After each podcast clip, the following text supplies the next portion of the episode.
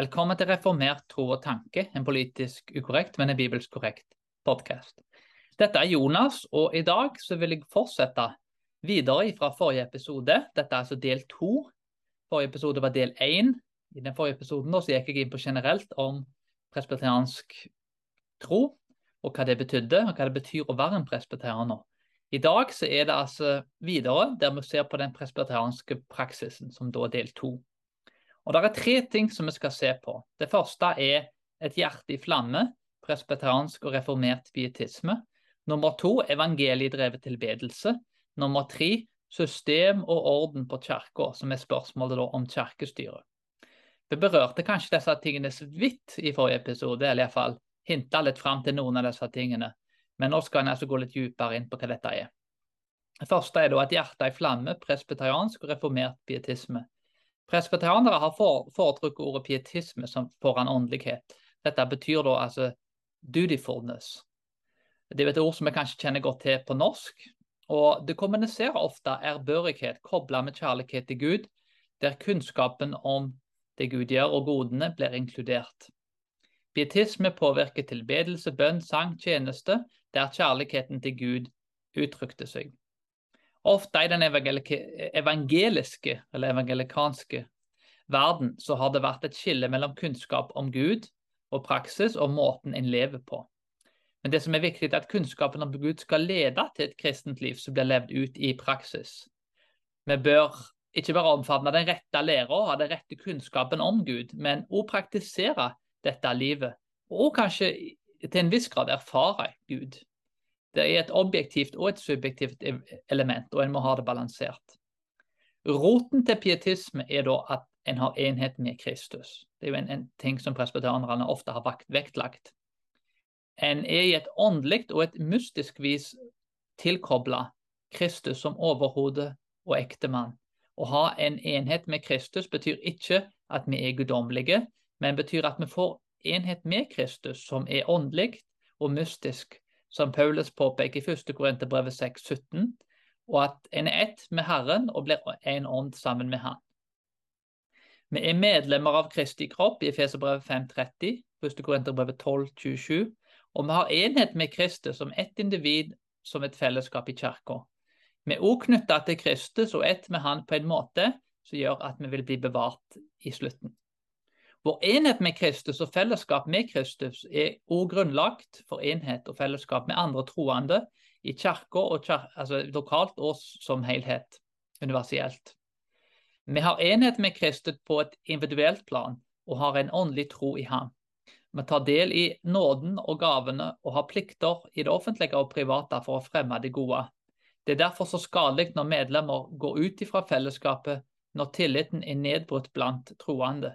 Splittelse da, er en ting som ødelegger enhet.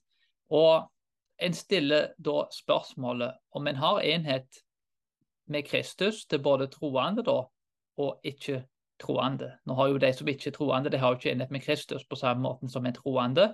Men uh, en skal jo likevel ha da en, en nestkjærlighet til den som ikke er troende.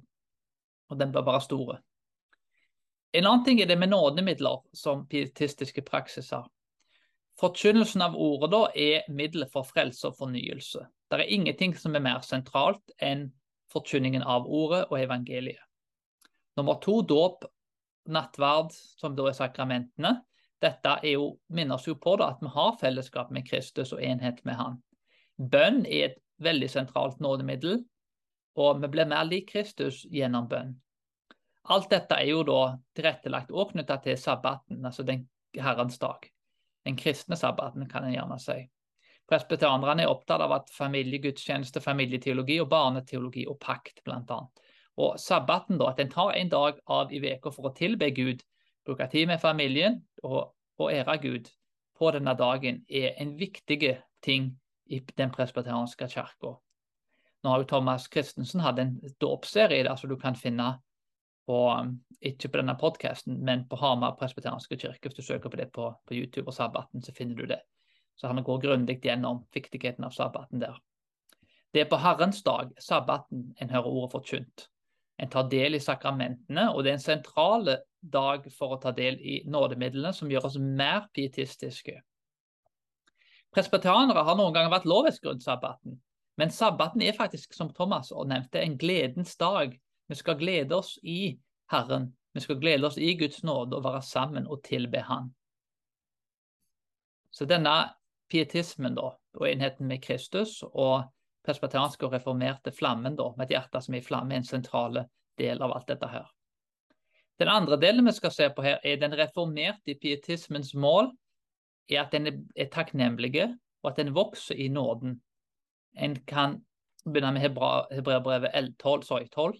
Livet er som et maratonløp, men vi er fortsatt i synd. Og Derfor er målet til pietismen at en skal, altså en skal gå mot syndløshet i Kristus. På egen hånd så kan en jo ikke oppnå disse tingene, for en synder hver dag, både i tanker og gjerninger.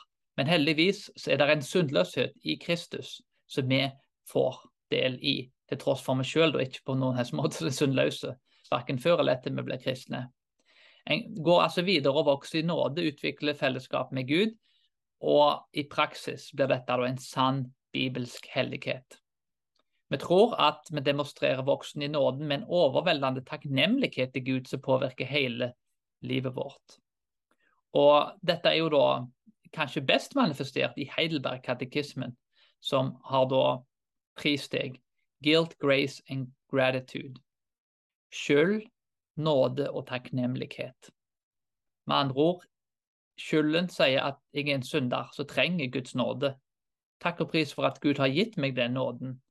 Og på grunn av at han har gitt meg den nåden, så vil jeg uttrykke og gå ut og gjøre gode gjerninger og leve hellig, ikke fordi jeg ble frelst, men som et resultat av at han har frigjort meg ifra nåden. Så det er en uttrykkelse av takknemlighet. De gode gjerningene ble drevet av nåde og takknemlighet, ikke av et ønske om å bli frelst av egne gjerninger. Så gode gjerninger er altså frukten av en ekte tro som manifesterer takknemlighet til Gud. En annen ting som er veldig sentralt, er dette med evangeliedrevet tilbedelse. Det finnes nå mange meninger om hvordan en bør tilbe. Det er alle mulige form for lovsangsledere og folk som har meninger om tilbedelse. Og dette er veldig ulikt i kultur her rundt i verden og ulike generasjoner i vår kultur. Reformasjonen kan noen ganger beskrives som altså den protestantiske reformasjonen, da, som en, eh, sorry, en reformasjon av tilbedelse. Enda mer kanskje enn en reformasjon av doktrine. Bibelen regulerer tilbedelse. Og vi kan ikke gå utenfor Skriften når vi regulerer tilbedelsen. Men likevel vil det være ulike former for tilbedelse som uttrykker seg på ulike måter hos presbeterianere. Måten vi tilber på som presbeterianere, er dermed svært like det vi finner hos de tidlige kirkefedrene. Ord og sakrament og alt til Guds ære, i tillegg til evangeliet og bønn, er veldig sentrale ting. Tilbedelsen er altså regulert av Gud. Det er noe som heter the regulative principle.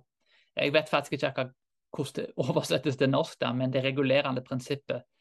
Det er et prinsipp som da sier at en har ikke lov til å tilbe på noen annen måte enn det som da ble tilskrevet i Bibelen. Westminster-bekjennelsen i 21.1 eh, beskriver disse tingene. Og Det er et veldig kjent og viktig prinsipp da, som en forholder seg til. Det er to måter å, å, å, se dette på. Det er det at en kan kun tilbe på den måten som Bibelen tillater. Og så er det en annen måte å tenke på som sier at hvis Bibelen ikke sier noe, og ikke er eksplisitt imot det, så har en lov til å gjøre det. Den lutherske kirka eh, i større grad sier mer da at hvis det er noe som har vært nyttig i tradisjonen, som Bibelen da ikke forbyr, så vil vi bruke det. Mens presbetanerne mer ofte da har sagt at hvis ikke Bibelen kommanderer og tillater det, altså konkret da, med, at det står i Bibelen, så kan en ikke gjøre det. Så det er en av de måtene å tenke på som er veldig ulike der. da. Det er noe med dette og at de fire første budene handler om å ære Gud på rett måte og er sentrale. Vi ser et eksempel på dette i tredje Mosebok, kapittel 10, der Nabad og Abihu, som er prester og sønner av Aron, var slått ned av Gud for å ofre feil på feil måte. De tilbar Gud på en måte som Gud ikke var enig i, og gjorde faktisk akkurat det motsatte av det Gud befalte. Gud er en hellig Gud, og han krever at folk prøver så godt de kan å, å følge det han har tilrettelagt for, og det spesielt han har kommandert. Så tilbedelse her blir jo da mange ting. En må være lydig mot Guds tilbedelse, men en må også tilbe med pakts fornyelse. En må tilbe av hjertet og ha fellesskap med Kristus. Og Et spørsmål som mange spør midt oppi dette, her, og hva med lovsang da, og slags musikk skal en bruke? Og Nå er ikke jeg noe stort musikalsk talent, det skulle jeg, jeg hadde hatt litt mer både talent og kunnskap der. Men la meg legge et, et grunnlag på en måte å tenke på som er vanlig hos presbyterianere. Og så skal jeg overlate valgene av instrumenter og den typen ting til de som da har satt seg ordentlig inn i de tingene. Det er noe som heter elementer, som er forkynningen av ordet, administrasjon av sakramentene, gi tiende, sang, salmer og hymner og, og, sånne type ting. Så er det noe som heter omstendigheter, eller på engelsk da circumstance. Og det er det som er nødvendig for at elementene skal settes ut i praksis. Så elementene da kan ikke forandres. En kan ikke si altså når en tilber Gud, så kan ikke altså bønn ikke en del av det, f.eks. Jeg har ikke lyst til å forkynne ordet. Det ble jo en, en gal ting å si. Gud har regulert det sånn at du skal forkynne ordet på gudstjenestene. Det er visse ting du skal gjøre, administrere sakramentene. Eh, så dermed da, så er ikke dette et, et fritt valg, for dette kommanderer Bibelen. Men måten det ble gjort på, skal en synge en sang altså med, med gitar som instrument eller piano, det er jo et, et prinsipp som, og et valg som folk egentlig må velge på egen hånd. Ut ifra hva folk de har tilgjengelig til å gjøre de tingene, og hva valg de tar som kirke. Vi forkynner, vi ser sakramentene. Vi ber, synger og leser Skriften. Men måten dette blir gjort på, vil være veldig ulikt da, i de ulike kirkene. Og En ting som er veldig sentrale her, da, som jeg nevnte i forrige episode, det er sola skriptura, Skriften alene. Vi vil være bibelske i alt vi gjør. Vi forkynner Guds ord. Vi ser de fysiske sakramentene gjennom dåp og nattverd. Vi ber i henhold til Guds ord. Vi synger Guds ord. I vår kirke har vi både engelske og norske bokstavelige oversettelser av salmen. Altså ikke helt bokstavelige, det går jo nesten ikke an. Men en synger altså noe som heter psalter, som er da de bibelske salmene. Det er faktisk noen av de på norsk. En, et eksempel vil være da 'Jeg løfter mine øyne opp til fjellene, hvor skal min hjelp komme fra?' Det er jo en norske sang som omtrent er en, en, en bokstavelig oversettelse da, av den salmen i Bibelen. Nå er det ikke sånn at vi bare synger salmer, vi, vi synger ja, moderne for så vidt, og, og, og, gamle da, norske sanger som vi mener da er bibelske. Og en leser ordskriften. Grunnen til at en forkynner ser sakramentene, ber med henhold til Skriften, synger Skriften og leser Skriften, er da for at vi finner dette i Bibelen. Bibelen befaler oss å gjøre disse tingene og regulere tilbedelsen. Tilbedelse er òg en pakts fornyelse. Alt skjer i pakten. Gud har kalt oss i sitt nærvær med Hans ord og ånd og vi går inn i Guds hellige nærvær, er overbevist om synd og bekjenner våre synder til Han. Han responderer med forsikringen om tilgivelse. I bønn og sang så priser vi Gud for å kalle han, uh, at han kaller oss inn i sitt nærvær, og han tilgir våre synder.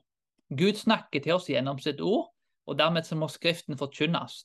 Og Skriften så vel som vi ser de tydelige tegnene med dåp og nattverd. Vi responderer til Gud med takksigelse og ofring, vi sender folkene bort med en velsignelse. Vi går tilbake til verden for å tjene i visshet om at Guds folk skal være Guds folk. Alt dette er i visshet at folk blir formet til å være Guds folk. Det er et dialog mellom Gud og oss i pakten. Tilbedelse er jo da hjertet bak fellesskapet med Kristus. Det er et tilbedende fellesskap vi har med Kristus. Og dette å tilbe på den måten som Jesus vil vi skal tilbe, er en svært viktig ting. Og Det bringer oss til den tredje delen, som er system og orden i kirka, som er kirkestyret. Presbyterianerne er kjent for orden. Og Korinterbrevet var jo et kirke med mye rot i, men der står det bl.a. at en skal jo ha orden i kirka, og Paulus hadde mye å ordne oppi der.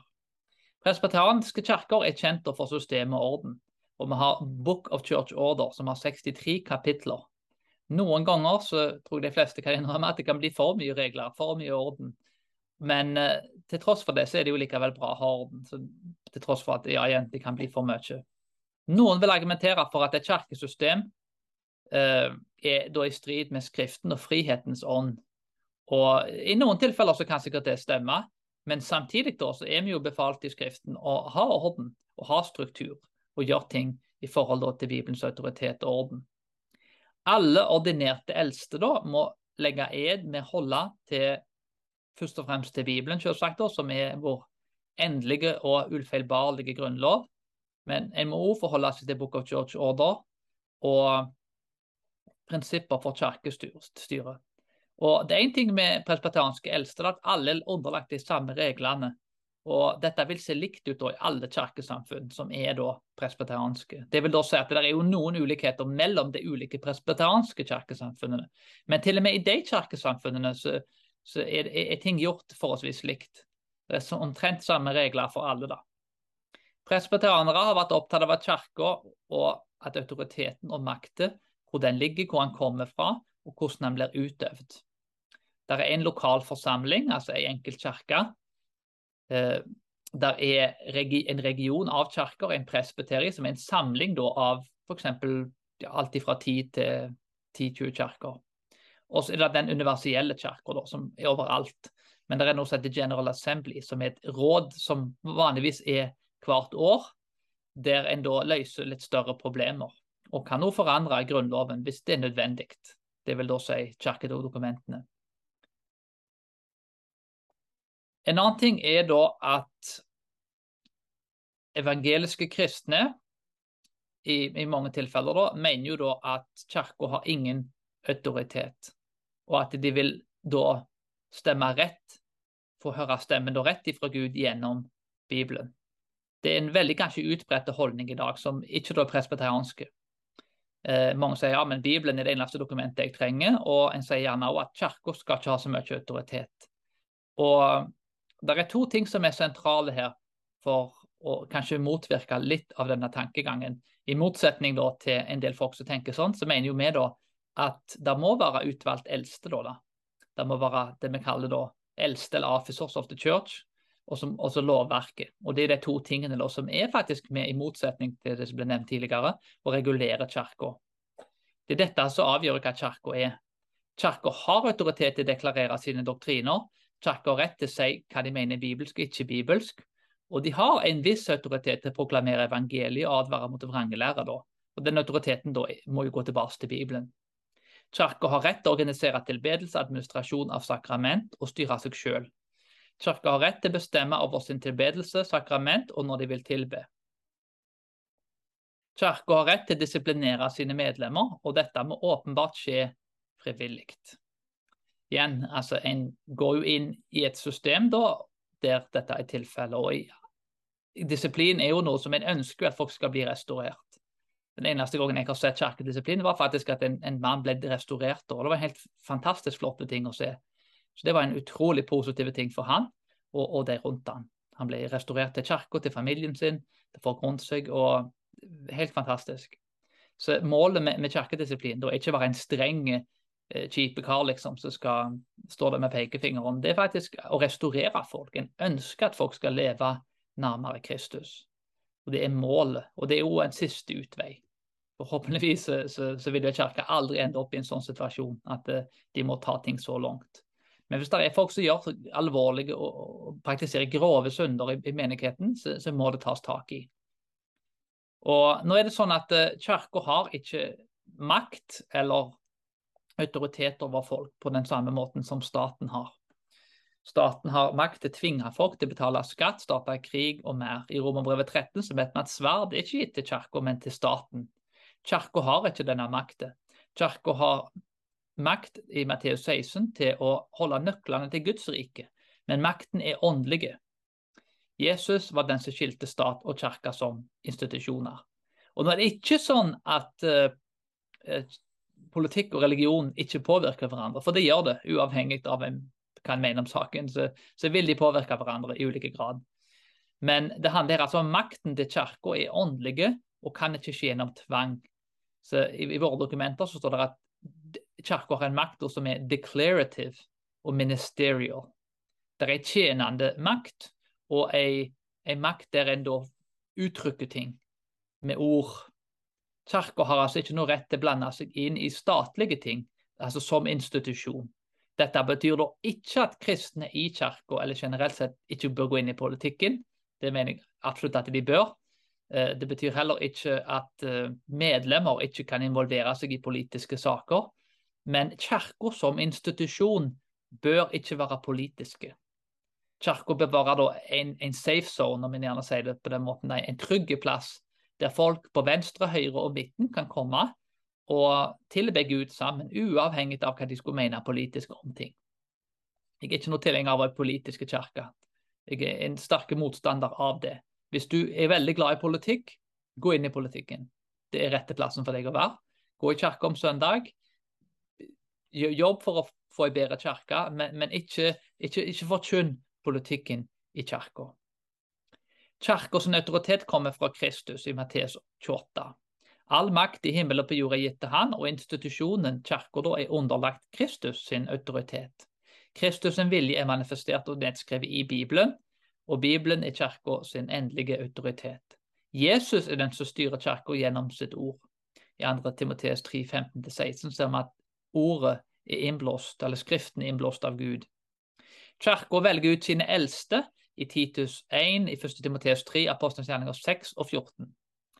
Eldste har ansvar for doktrine, moral og disiplin. De har ansvar for å be for folk, evangelisere, besøke syke, forkynne, undervise og mer. Vi har altså I den presbeteranske kirka vår, iallfall i vårt kirkesamfunn, så har vi ruling elders, altså styreeldste. Det blir kanskje den, den, beste tolkningen. Men de har et større ansvar for å styre, administrere, disiplinere og også preike hvis de blir kalt på. Teaching elder, da, en undervisningseldste, en læreeldste, er jo da en som mater flokken, leser Skriften, forklarer Skriften, forkynner underviser Skriften, eh, underviser egentlig om bibelske ting. Han forvalter sakramentene, og de blir kalt 'ministers of the word'. Altså ordets pastorer eller, eller forvaltere. Tjenere. En minister er vel teknisk sett oversatt tjener. Eh, det er egentlig ikke noe norsk ord, som, eh, som egentlig i stor grad fanger opp hva det ordet betyr. Men eh, kanskje geistlige, eller, eller, eller, en prest eller en pastor, eller, eller en en kirketjener. Diakon er vel kanskje en bedre beskrivelse av en kirketjener. Men diakon er jo da den neste biten. Det er jo altså en tjener, da, en kirketjener, apostelgjerninger 6, i oppgave da med å forvalte materielle ting, sånn at eh, andre i kirka kan hengi seg til å forkynne ordet. Det har ansvar da for egentlig ganske mange ting, og sympati, tjeneste og omsorg spesielt. Men en diakon kan egentlig brukes til ganske mye forskjellige ting. da. Så det kan være en ganske fleksibel rolle. Hver presbeterianske kirke har noe som heter church session, altså et eldsteråd, som vanligvis da er et eldsteråd mellom flere. I større kirker så kan de ha alt fra ja, noen få stykker til, til, ja, til flere, da, kanskje opp til De pleier ikke å være kjempestore eldsterådene, men uh, vanligvis har, bør en iallfall ha tre-fire stykker. Og pluss, pluss. Der er noe som heter presbyteri, som igjen som jeg nevnte, en samling av kirker innenfor et geografisk område. For å opprette en presbyteri så trenger du vanligvis tre kirker. Det er det minste du trenger. Vanligvis da, så har en gjort mye mer enn det. Men, og General Assembly da, er det, det rådet som blir holdt årlig for å løse da, større problemer eh, i kirkesamfunnet som helhet. Og dette rådet, da, General Assembly, holder jo da kirkesamfunnet sammen som helhet. Og Du finner noe lignende i Apostelens gjerning kapittel 15, der Paulus går til eh, eh, Jerusalem da, for å løse et større, større problemer. For å oppsummere veldig kjapt, da, så vil jeg si at eh, det var jo da et hjerte i flamme, presbyteriansk reformert pietisme. En har da en, en bibelsk evangelisk tilbedelse da, som er drevet da, av evangeliet. Og en har et fokus da på kirkestyre og system og orden. Og Forhåpentligvis har du fått en bedre forståelse av hva alle disse tingene her gjaldt, og hva det innebar. Og Vi kommer til å fortsette neste gang med episode tre, eller del tre, der vi skal da begynne faktisk å hoppe inn litt på mer historiske ting. Der vi skal få vite litt mer om den presbyterianske historien og hva den innebærer. Det var alt for i dag. Vi snakkes snart.